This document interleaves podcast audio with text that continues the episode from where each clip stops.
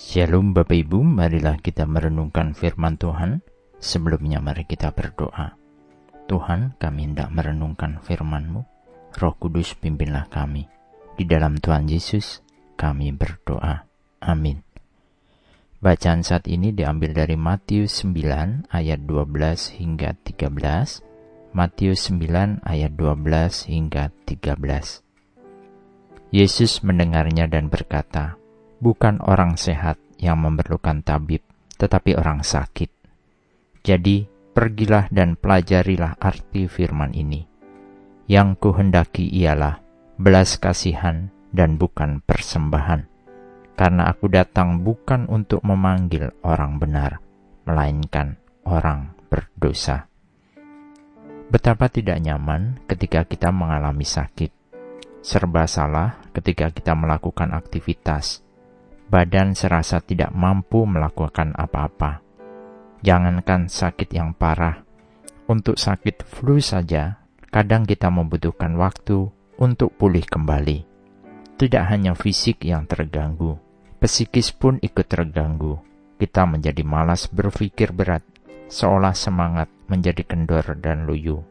Itulah gambaran umum ketika kita mengalami sakit. Gambaran sakit dan penyakit ini disampaikan dalam konteks bacaan saat ini. Ketika Tuhan Yesus bertemu dengan Matius pemungut cukai dan dia makan di rumahnya. Penyakit fisik melemahkan tubuh fisik kita.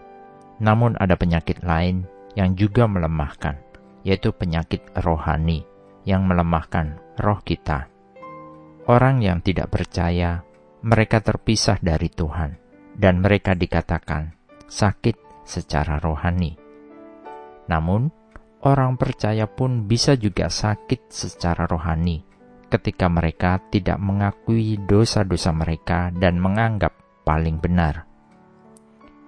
Orang Farisi menanyakan, kenapa Yesus makan dengan orang berdosa seperti Matius pemungut cukai? Orang Farisi melihat orang berdosa tidak patut dikasihani, harusnya mereka dijauhi. Namun hal ini berbeda dengan Tuhan Yesus. Tuhan Yesus memposisikan sebagai tabib yang mengobati orang sakit dan bukan orang sehat. Matius sakit secara rohani, sehingga Tuhan perlu datang memberi kesembuhan.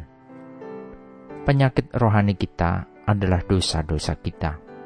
Kita perlu penyembuh, dan itu ada di dalam Yesus yang mengampuni dosa dan memulihkan sakit secara rohani.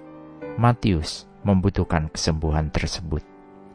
Apa yang Tuhan Yesus lakukan adalah memberi belas kasihan.